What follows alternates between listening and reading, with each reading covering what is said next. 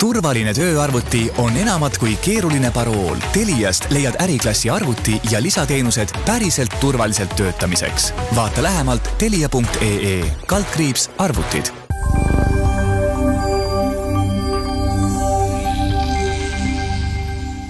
tere, head äh, Tark investor kuulajad, minu nimi on äh, Richard Mägar ning olen äh, Delfi Investeeri portaali ajakirjanik.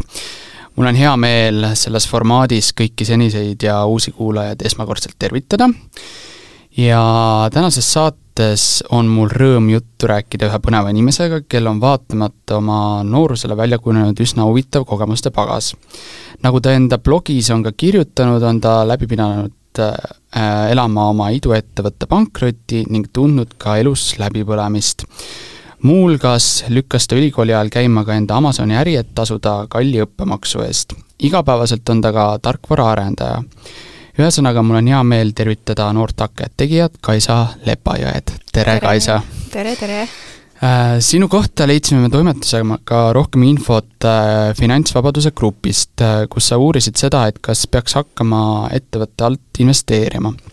ja sa tõid seal ühe peamise hirmuna välja selle, et kuna sa teed ka Amazoni äri, et sind hirmutab asjaolu, et ettevõtte alt investeerimise puhul mõni klient võib sinu nii-öelda pakutava Amazoni toote kohtusse kaevata ja, ja et, et pärast ettevõte vastutab selle varade eest. Need vastused, mis sa seal äh, nii-öelda grupis said, et kas sa jõudsid mingisugusele heale järeldusele, et mismoodi sellises olukorras siis käituda, et on see siis teise ettevõtte tegemine või ikkagi sama ettevõtte alt investeerimine või, või missuguseid järeldusi sa äh, nii-öelda sellest äh,, nendest vastustest tegid? Väga tore oli lugeda neid vastuseid, et seal oli täitsa seinast seina neid erinevaid lahendusi juriidiliselt, aga kõik ikkagi soovitasidki teha investeerimist teise ettevõtte alt. ja ma tegin selle järelduse, et võib-olla mitte küll praegu, aga lähima paari aasta jooksul ma peaksin tegema selle teise ettevõtte, eh, kust ma siis investeerin ja, ja kogun seda raha sinna teise ettevõttesse, et nii on nagu turvalisem, aga ma ei ole veel päris välja mõelnud, kuidas nagu lahendada seda, et esimesest ehk Amazoni ettevõttest raha siis liigutada sinna investeerimisettevõttesse, sest seal oli päris palju pakkumisi, et konsultatsiooniarved, mis on niisugune nii ja naa, ja, ja teised lahendused, dividendid ja kes on kelle tütarettevõte ja nii edasi, et ma arvan, et ma pean mingi hetk võtma kätte ja kellegagi ikkagi noh, professionaali käest küsima, ütleme nii.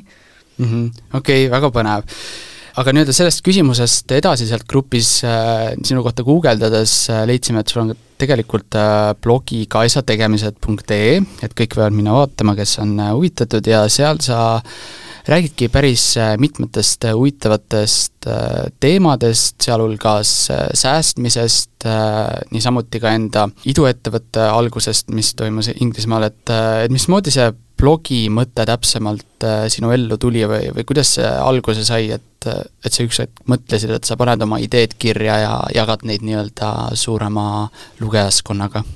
tead, tegelikult on nii, et ma olen aastast kaks tuhat kolmteist blogi kirjutanud, sest ma läksin äh, ÜFU-ga äh, vahetusaastale Argentiinasse ja siis mul üsna kiiresti viskas sellest üle, et kõik küsisid samu küsimusi, pere ja sõbrad, ja ma otsustasin, et tead, ma panen lihtsalt äh, blogisse kirja, mis toimub, ja siis kõik saavad sealt lugeda, sest ma ei jaksanud kõigile ükshaaval seletada mis seal Argentiinas toimus. ja see blogi on ka ikka veel üleval, aga mul on päris piinlik seda vaadata ma ise ei loe seda enam. Äh, ja sealt edasi terve aja, kui ma Inglismaal ülikoolis olin, siis ma üritasin Youtube'i kanalit teha ja siis edasi see äh, startup'i mm -hmm. kohta samamoodi, et ma lihtsalt tahtsin vältida, et kõik küsiksid, et noh, kuidas ettevõttel läheb, et vähemalt neil oleks mingi kontekst ja nad saaksid nagu spetsiifilisemaid küsimusi mult küsida. siis on äh, toredamad, produktiivsemad vestlused inimestega mm. -hmm. Nii et alguses see oli jaa, ainult perele ja sõpradele, aga nüüd hiljuti, kuskil äh, kaks tuhat kakskümmend kaks lõpus, ma otsustasin, et minu blogil on potentsiaali olla huvitav ka laiemale lugejaskonnale kui lihtsalt äh, pere ja sõbrad. nii et ma hakkasin natuke teist tüüpi blogipostitusi kirjutama, mitte ainult perele ja siis natukene ka promoma seda siin ja seal mm. -hmm. kas üheks põhjuseks, äh, miks sa hakkasid ka nendest teistmoodi asjadest rääkima, oli see, et sind hakkasid need ise elus äh, ka rohkem kõnetama või, või sa pidid nende teemadega rohkem kokku puutuma, alates äh, ma ei tea, säästmisnippidest või, või siis oligi oma iduettevõtte nii-öelda loomiseni? Ma olen terve elu ikkagi tarbinud sellist eh, noh, meediat ja raamatuid lugenud, hästi palju eduraamatuid, produktiivsusraamatuid, ettevõtlusraamatuid, nii et ma olen ise huvitatud olnud sellest teemast väga kaua, aga ma tundsin üks hetk, et eh, mul on endal piisavalt kogemust, et ma oskan midagi nagu unikaalset kirjutada, eh, mida teised võib-olla ei oska.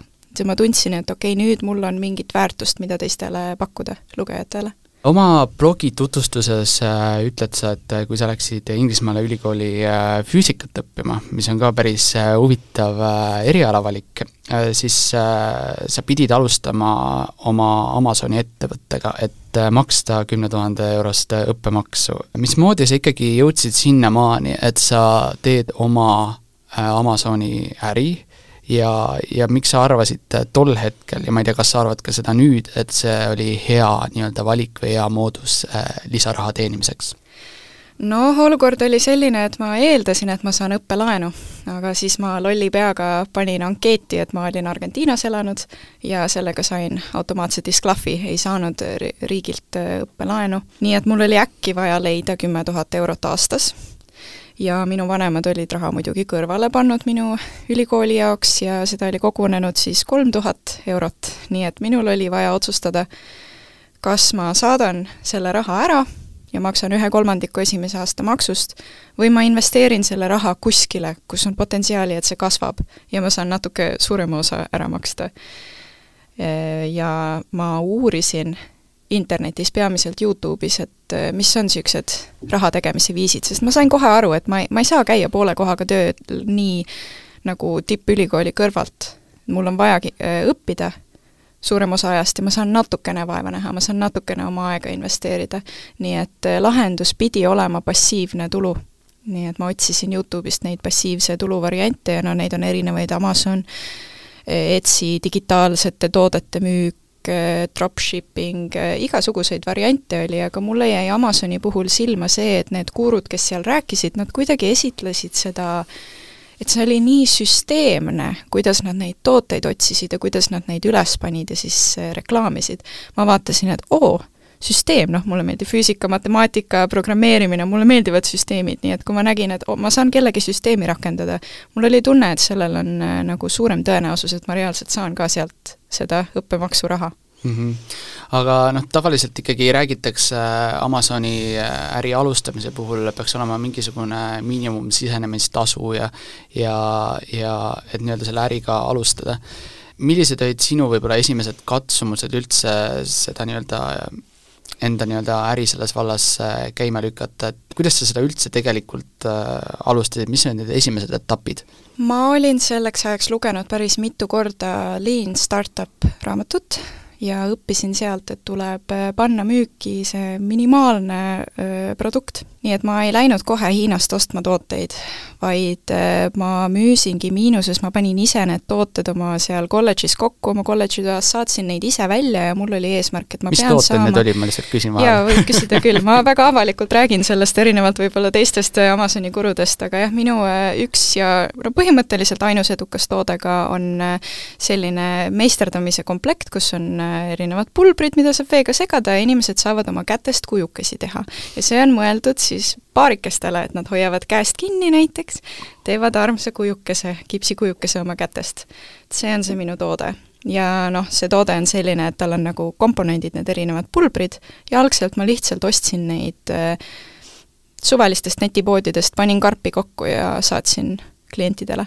ja müüsin neid alguses miinuses lihtsalt, et endale ja perele tõestada, et äh, asi toimib. ja alles, kui ma sain need sada müüki, siis ma tellisin suurema laadungi ja siis läks nagu see siis oli vaja raha investeerida suuremas hulgas.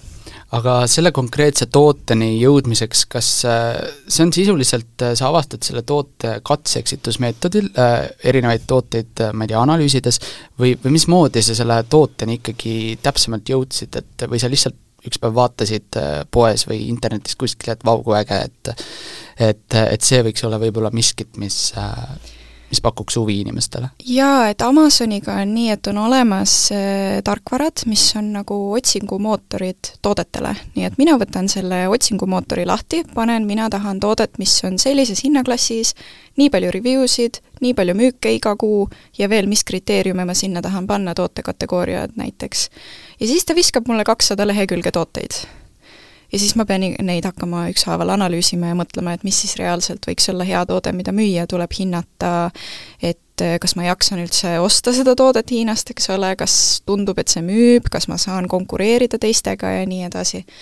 et eh, jah, see käib eh, tarkvaradega, et ei ole päris mm. nii, et ma vaatan ise ringi ja mõtlen, oh, see võiks hea toode olla, sest et nii saab, aga see võtaks palju kauem aega, et tegelikult need müügiandmed on äh, olemas, kättesaadavad inimestele.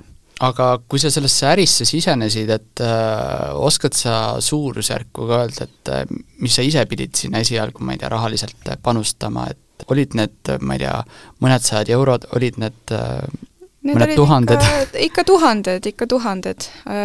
Ma tavaliselt, nüüd ma tellin tuhat ühikut korraga, maksan selle eest circa kümme tuhat dollarit. ehk siis see esimene laadung, mis ma tellisin, oli minu meelest viissada ühikut. nii et kuskil viis tuhat dollarit läks puhtalt, et toodet tellida. ja siis sinna juurde tootefotograaf lõpuks, küll esimesed to-, fotod ma tegin ise aga jah, et sinna, sinna lähevad mõned väikesed kulud veel juurde.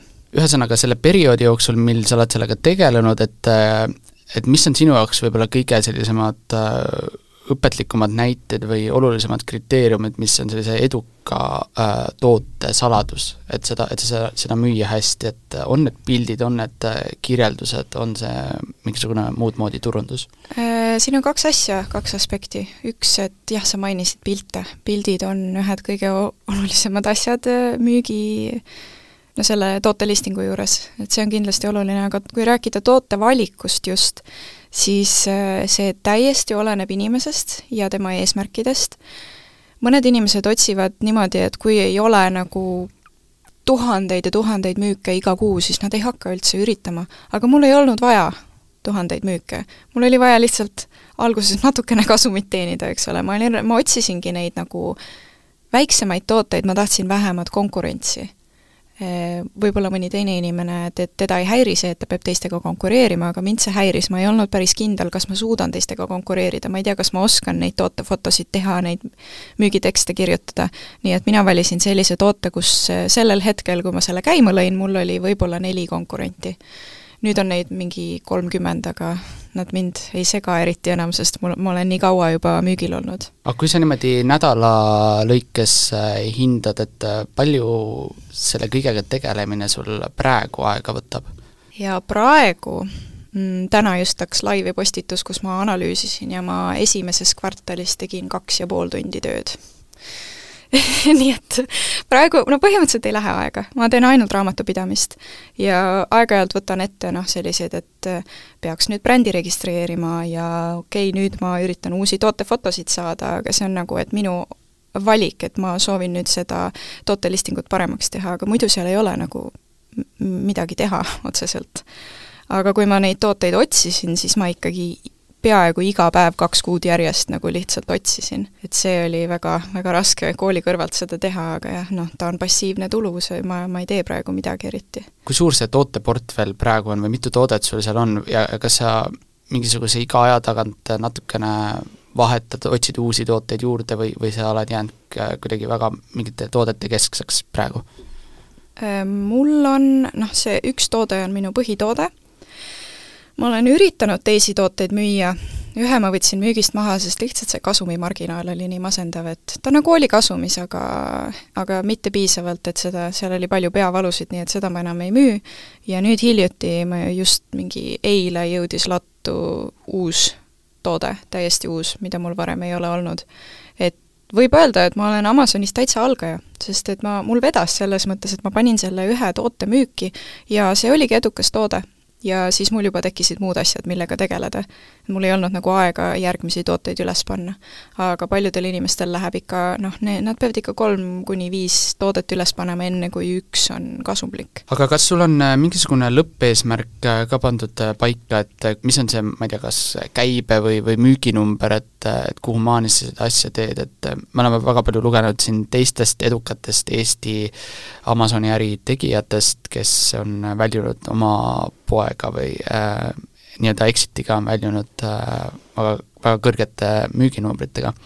et kas sul on ka mingisugune kindel äh, lõppeesmärk paika pandud? mul ei ole sellist lõppeesmärki, mul ei ole eesmärgiks exit, ma tahan lihtsalt sedasama toodet edasi müüa seni, kuni ta müüb ja lisada juurde tooteid. minu praegune eesmärk üldse tänu sellele läbipõlemisele on tegelikult see, et ma tahan äh, lisasissetuleku allikaid ma ei panustagi nii väga Amazoni, sest et ma tahan, et mul oleks veel sissetulekuallikaid, et siis kui mille, midagi juhtub ja Amazon enam ei toimi, Amazon, Amazoni platvorm ju, sa täiesti sõltud Amazoni platvormist, kui sa seal müüd, kui nemad teevad oma reeglid ümber ja sinu toode enam ei ole kasumlik, siis sa oled lihtsalt oma sissetulekust ilma ja see võib käia nagu noh, ühe päevaga.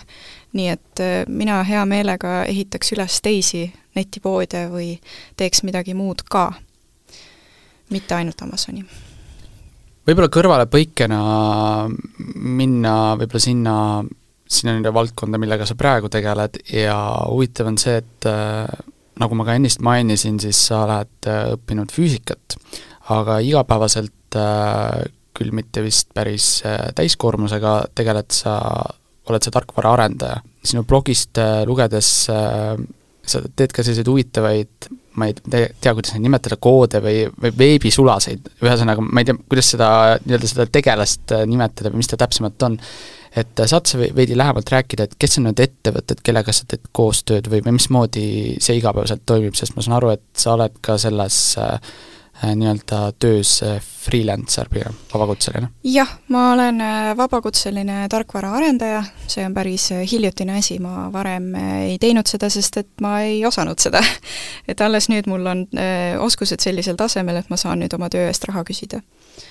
ja jah, ma teen praegu kahele kliendile tarkvara ja siis veebisulane oli mul idee või noh, see on nagu see bränd, mida ma ehitan, mis ongi siis see minu freelance töö aga eh, kontseptsioon on selline, et eh, mulle tundub, et eriti Eestis ja eriti väikestes ettevõtetes inimesed teevad töid, mida ei peaks inimene tegema, mida peaks arvuti tegema. et selline mõttetu klikkimine ja aja raiskamine, mul endal oli startup, ma ise tean, ma tegin neid asju ja siis kuna mul oli see programmeerimisoskus, siis ma lihtsalt automatiseerisin pool oma tööd ära. ja mul oli niimoodi, et ühe nupuklikiga Äh, tegin asja, mis muidu võttis kolm tundi nädalas, eks ole.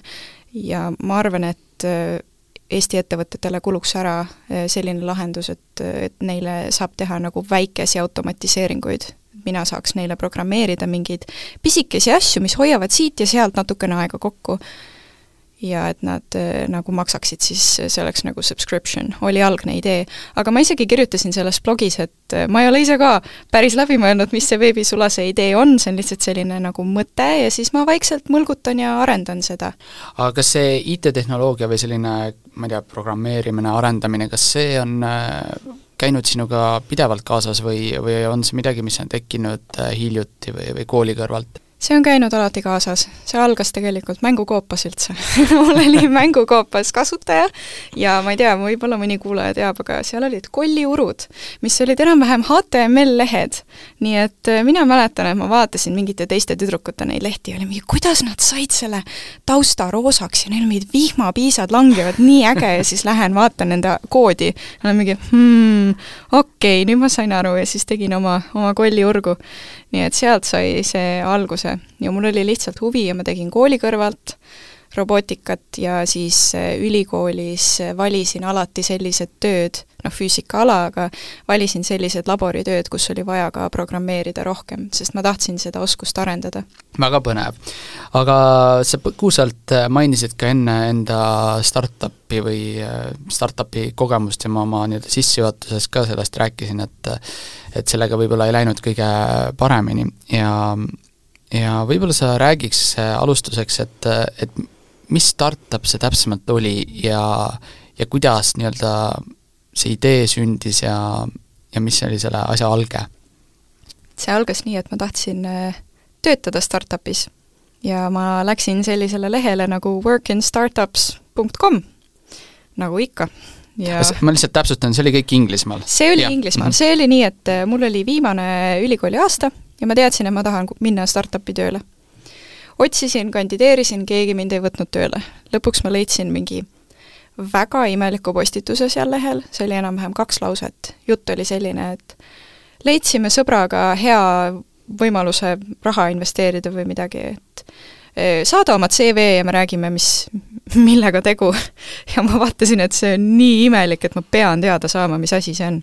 saatsin oma CV ja tuli välja, et tegemist oli kahe investoriga, kes tahtsid investeerida nagu, nad tahtsid olla firma omanikud, aga nad ei tahtnud olla firma juhid nii et nemad otsisid kedagi, kes oleks see CEO ja ma suutsin ennast neile maha müüa sellega, et ma olen sada pluss äriraamatut lugenud ja Amazoni teinud ja rääkisin neile oma sellest nagu ärifilosoofiast ja nii edasi ja nad otsustasid, et ma olen see õige inimene, et nende raha eest ettevõtet alustada. ja nende idee seisnes selles, et äh, oli koroona ja inimesed on kodus ja tõenäoliselt kuskil toitlustussektoris on midagi võimalik teha. sest et ei ole võimalik, et seal on kõik täis, sest et maailm muutub nii kiiresti selle koroonaga. nii et minu töö oli üles leida see äriidee, mida oleks äh, mõistlik siis äh, reaalsuseks teha mm,. Saan ma nüüd õigesti aru, et äh, tegelikult neil nagu siis ideed ei olnud, et sina, sina siis no sa olid passiivsed investorid ja sina ja. siis otsisid selle äriidee ja see äriidee siis seisnes, mis sa siis lõpuks otsisid, otsisid, milles see siis seisnes? see seisnes selles, et äh, ma otsisin, ma tahtsin leida midagi, mis mulle endale ka huvi pakub ja sellel hetkel mulle pakkus huvi kõik keskkonnakaitse, ökondus ja nii edasi, nii et ma tahtsin midagi selleteemalist teha, midagi keskkonnasõbralikku ja noh, nende soovil siis äh, toitlustusega seotud. ja ma leidsin, et äh, inimesed tahavad tellida omale toitu koju, aga nad muretsevad, et see tekitab väga palju plastikuprügi. Äh, ja tüüpiliselt need, äh, kui sa ostad poest valmis toitu, siis see on plastikpakendis ja see isegi ei ole eriti hea, see ei ole eriti tervislik, ja isegi kui sa tellid mingitelt ökofirmadelt, siis neil on ikkagi kõik asjad plastikpakendis, nii et ma tahtsin teha firma, kus me oleme nagu, nagu piimaauto, aga toiduauto nii et me viisime inimestele kohale toitu, aga ei olnud mitte ühekordses pakendis, vaid oli ilusas keraamilises kausis kaanega toiduports, mille inimesed said mikrokas või ahjus soojaks lasta, ja siis järgmine kord, kui me toitu tõime, siis me viisime eelmised need kausid minema. nii et seal ei olnud seda pakendiprügi. aga see toit tuli siis nii-öelda teie endi poolt või, või kolmanda ok,, mm -hmm jah, meil oli enda, me, meil oli partner, äh, üks restoran, kelle, kes oli ka alles alustanud ja neil ei olnud liiga palju neid äh, külastajaid, nii et äh, neil oli aega meile toitu teha kord nädalas. aga mis, kuidas see algus siis ikkagi oli, et mitu müüki teil nädalas oli või et, või et kus see siis, te üks hetk nägite, et et see asi ei toimi niimoodi, nagu ta võiks? meil läks niimoodi, et äh, suure vaevaga me saime kuskil kakskümmend kuni kolmkümmend klienti, kes regulaarselt tellisid. Ja need kliendid lihtsalt armastasid meie firmat, nad olid nii lojaalsed, neile väga meeldis ja nad said aru, mis see point on, nagu nad olid nii rõõmsad, et selline ettevõte eksisteerib.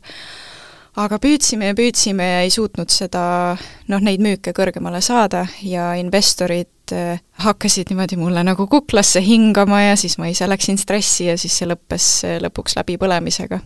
Et mul, mul ei olnud enam energiat selle firma juhtimise kõrvalt veel tegeleda reklaamiga ja ma ei suutnud leida kedagi, kes, kes te-, tegeleks reklaamiga.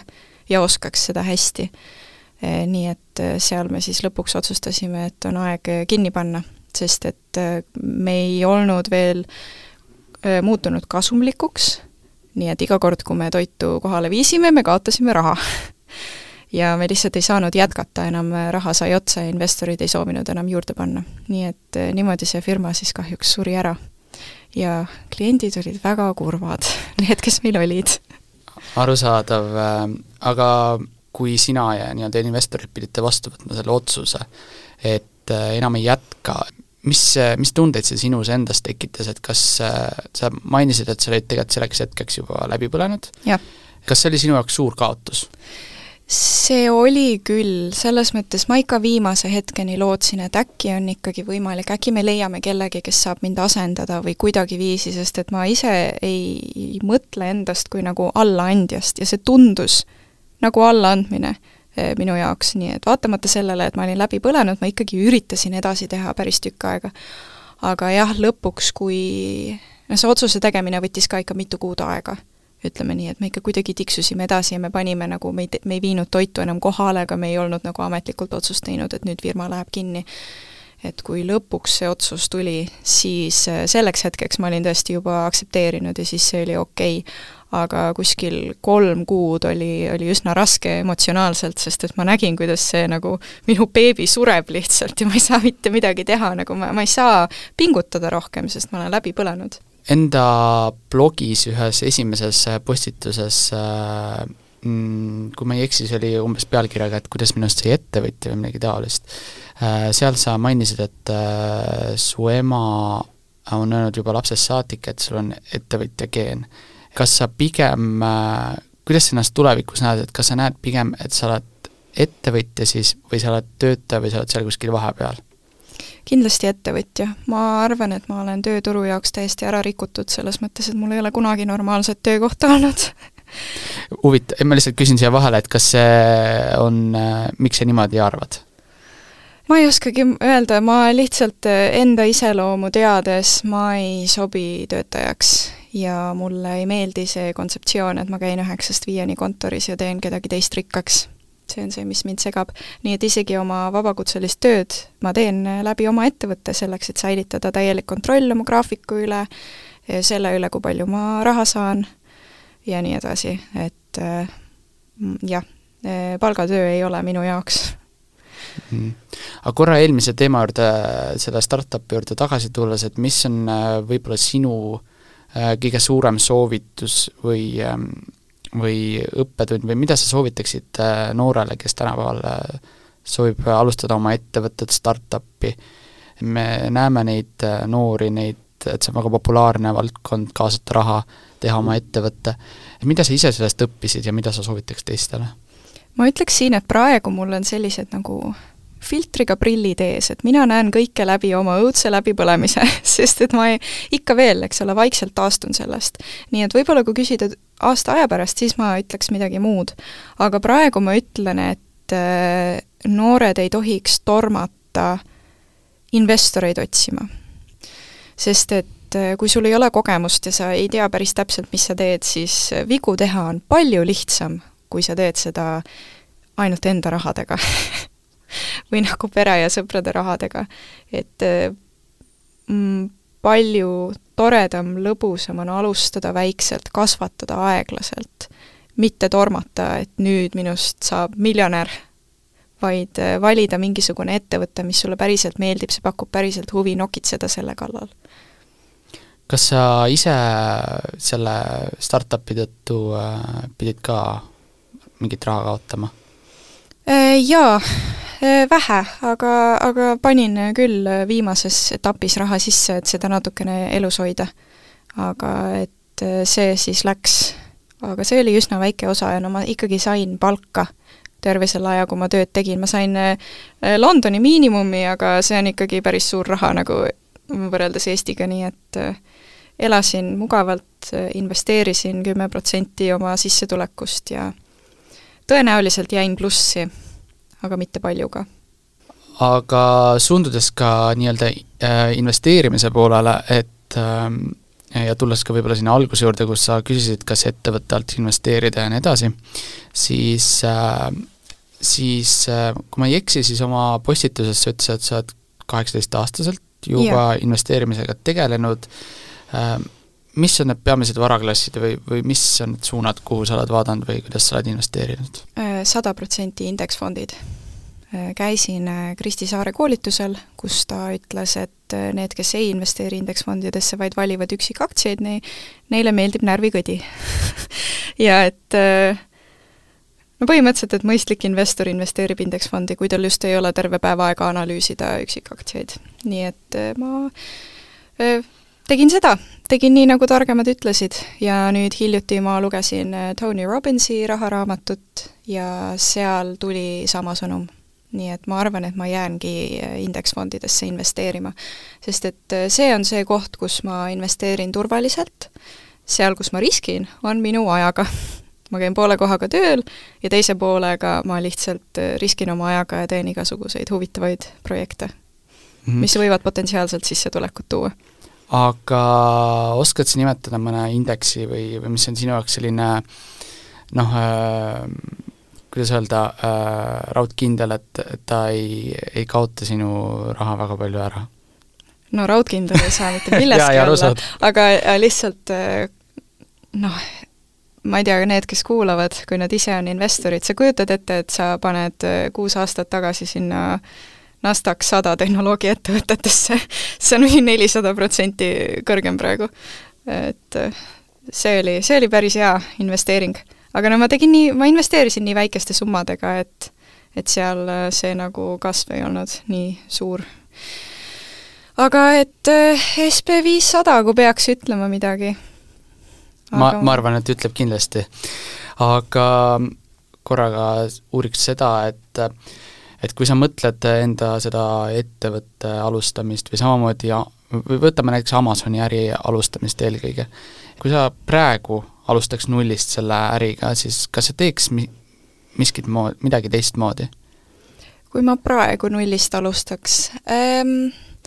ma arvan, et ma ei muudaks oma tooteotsingu kriteeriume, mulle jätkuvalt ei meeldi siseneda turule, kus on väga palju konkurentsi, ma pigem võtaksin äh, mingisuguse muud moodi ebamugava toote, mida keegi ei taha, näiteks Amazoni puhul on see, et liiga suur toode või liiga raske toode või midagi, et seal on siis nagu igasugused lisakulud ja tüüpiliselt sellised algajad Amazoni müüjad ei taha neid tooteid teha, et mina just sihin selliseid tooteid, mida keegi teine ei taha müüa.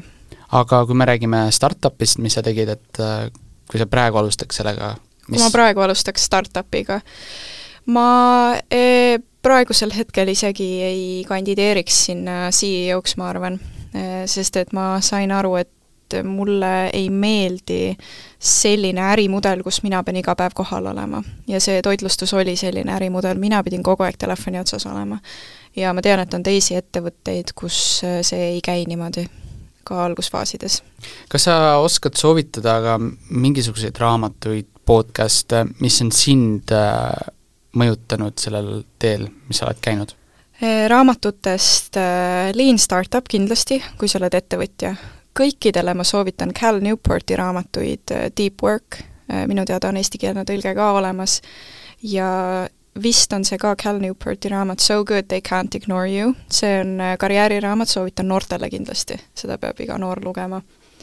ja podcast'e ma olen hakanud kuulama sellist podcast'i nagu Indie Hackers, ja seal on äh, väikeettevõtjad, äh, häkkerid, programmeerijad ja inimesed, kes ka ei oska programmeerimist ja nad on üksi äh, loonud ettevõtte, mis teeb päris palju käivet või päris palju kasumit. et see on selline poolpassiivne ettevõtlus, mida teevad nagu tavalised inimesed.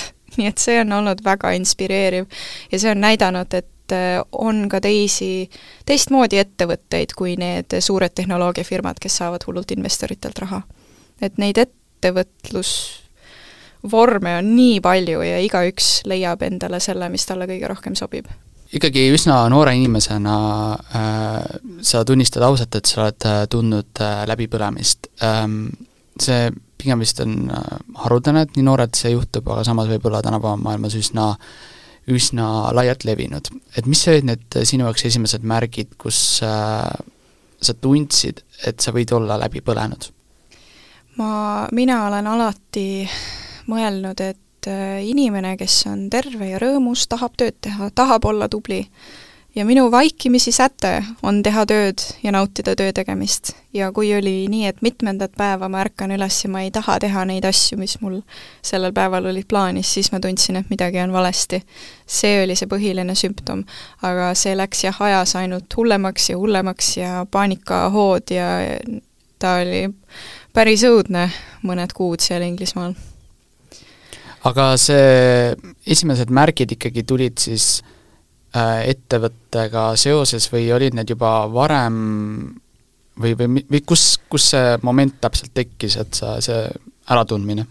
Äh, ma tegin seda startup'i kuskil kaks aastat ja pärast ühte aastat tekkisid need äh, märgid, et ma hakkan vaikselt läbi põlema see investorite nõudmised ajasid stressi ja mulle ei meeldinud enam äh, vaadata neid ärinumbreid, neid finantsnumbreid, need ajasid stressi ja paanikasse ja iga, iga sõnum ajas endast välja.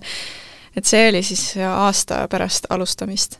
ja see oli lihtsalt selline kumulatiivne efekt, et alguses oli kõik hästi ja siis mõnikord oli üks päev olin väsinud ja siis oli kaks päeva nädalas ja kolm päeva ja lõpuks lihtsalt iga päev aga noh, ma ei tea, kui palju sa tänaseks päevaks sellest taastunud oled, aga kuidas sa sellest äh, kõigest oled proovinud välja tulla nüüd?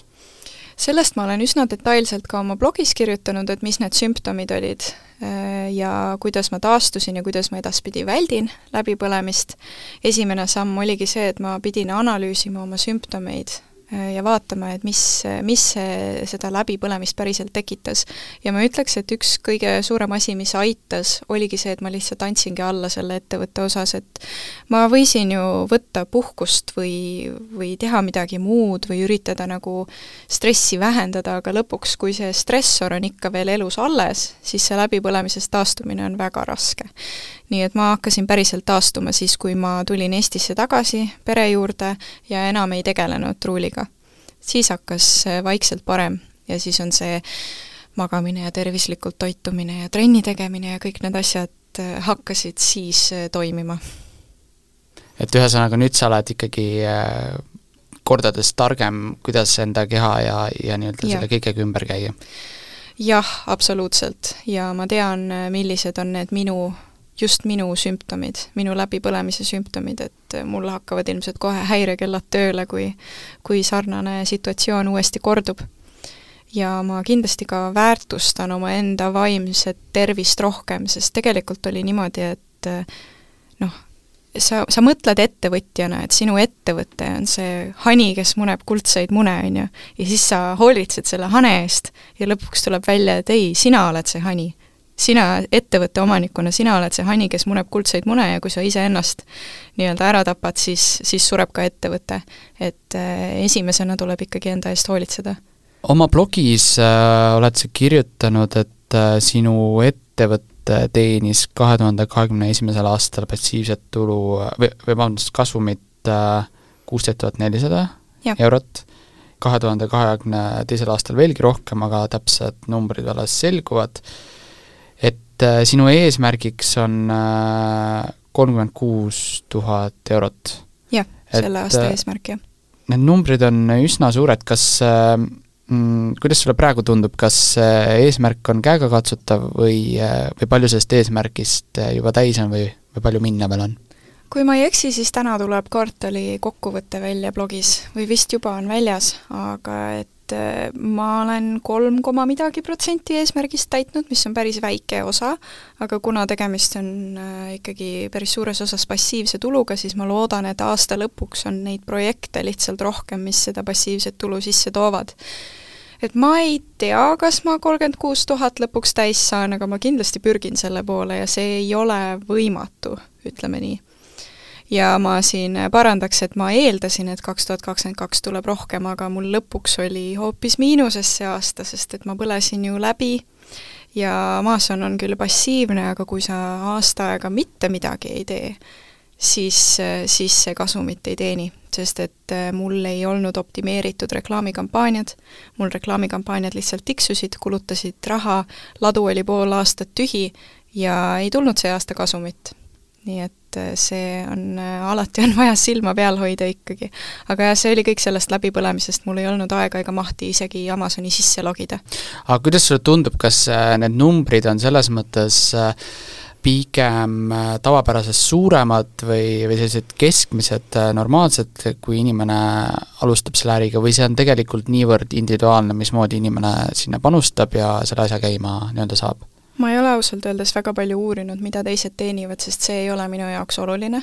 Äh, minu jaoks on olnud oluline, et ma lihtsalt iga aasta teeniks rohkem kui eelmine aasta ja ma olen seda ka teinud, need numbrid on, ongi iga aasta kasvanud, kui vaadata neid eelnevaid äh, majandusaasta aruandeid. et siis, kui välja jätta nagu kaks tuhat kakskümmend kaks, mis oli, eks ole, see läbipõlemise õudne aasta, siis on äh, olnud kasvutrajektoor ja ma olen sellega rahul. aga kui ma peaksin pakkuma, siis ma ütleks, et et äh, see võib olla selline keskmine või madalam. et kui inimene ikkagi leiab selle toote, mis müüb ja mis on edukas, siis need numbrid on päris suured. oht on pigem see, et sa ei saa mitte midagi aastaid ja aastaid ja siis leiad selle õige toote aga ühesõnaga lõpetuseks uurid, et äh, mis on sinu järgmised suuremad äh, plaanid ja mõtted, et on sul juba miskit kindlat silmapiiril, mida sa võiksid kuulajatele ja avalikkusele jagada? ma hetkel eh, üritan tekitada uusi sissetulekuallikaid, nii et ma võin kuulutada, et et äh, minu blogisse tuleb kindlasti uusi teemasid juurde, netikursused, ma soovin raamatut välja anda näiteks, mida ma olen juba tükk aega kirjutanud, et igasuguseid põnevaid projekte on, aga mitte nii, et on üks suur, vaid on palju väikesi, mida katsetada ja mulle väga meeldib katsetada. küsin ka korra selle raamatu kohta, sest see kõlab väga põnevalt, et mis teemal see raamat võiks olla? see tee-, see raamat on teemal äh, õppimis nagu meetodid või õppimistehnikad äh, lastele. Äh, kuskil nii viiendas kuni seitsmendas klassis äh, lapsed võiksid seda lugeda, et õppida, kuidas õppida, sest et see on see üks asi, mida meil koolis ei õpetata. ja kuna minul oli inglise keel noorena suus, siis mina leidsin selle info netist ise ja tänu sellele, ainult tänu sellele olin edukas õpilane nii Eestis kui Inglismaal. ja ma tahaks seda anda kõikidele Eesti lastele seda võimalust, sest päris paljud, eriti matemaatikaga, arvavad, et nad ei ole targad, sest nad ei saa matemaatikast aru, aga tegelikult tihti on probleem hoopis sellest, kuidas nad õpivad. See oli küll väga tõsine võib-olla lõpp siia arendus siia lõppu, aga igatahes äh, äh, mul oli väga hea meel, et äh, sa, Kaisa, täna said tulla ja me saime natukene rääkida su tegemistest ja ka kõigest sellest, mida sa oled õppinud ja ja põgusalt siin lõpus ka sellest, mis on äh, tulemas. aitäh kutsumast! turvaline tööarvuti on enamat kui keeruline parool. Teliast leiad äriklassi arvuti ja lisateenused päriselt turvaliselt töötamiseks. vaata lähemalt telia.ee, kaldkriips arvutid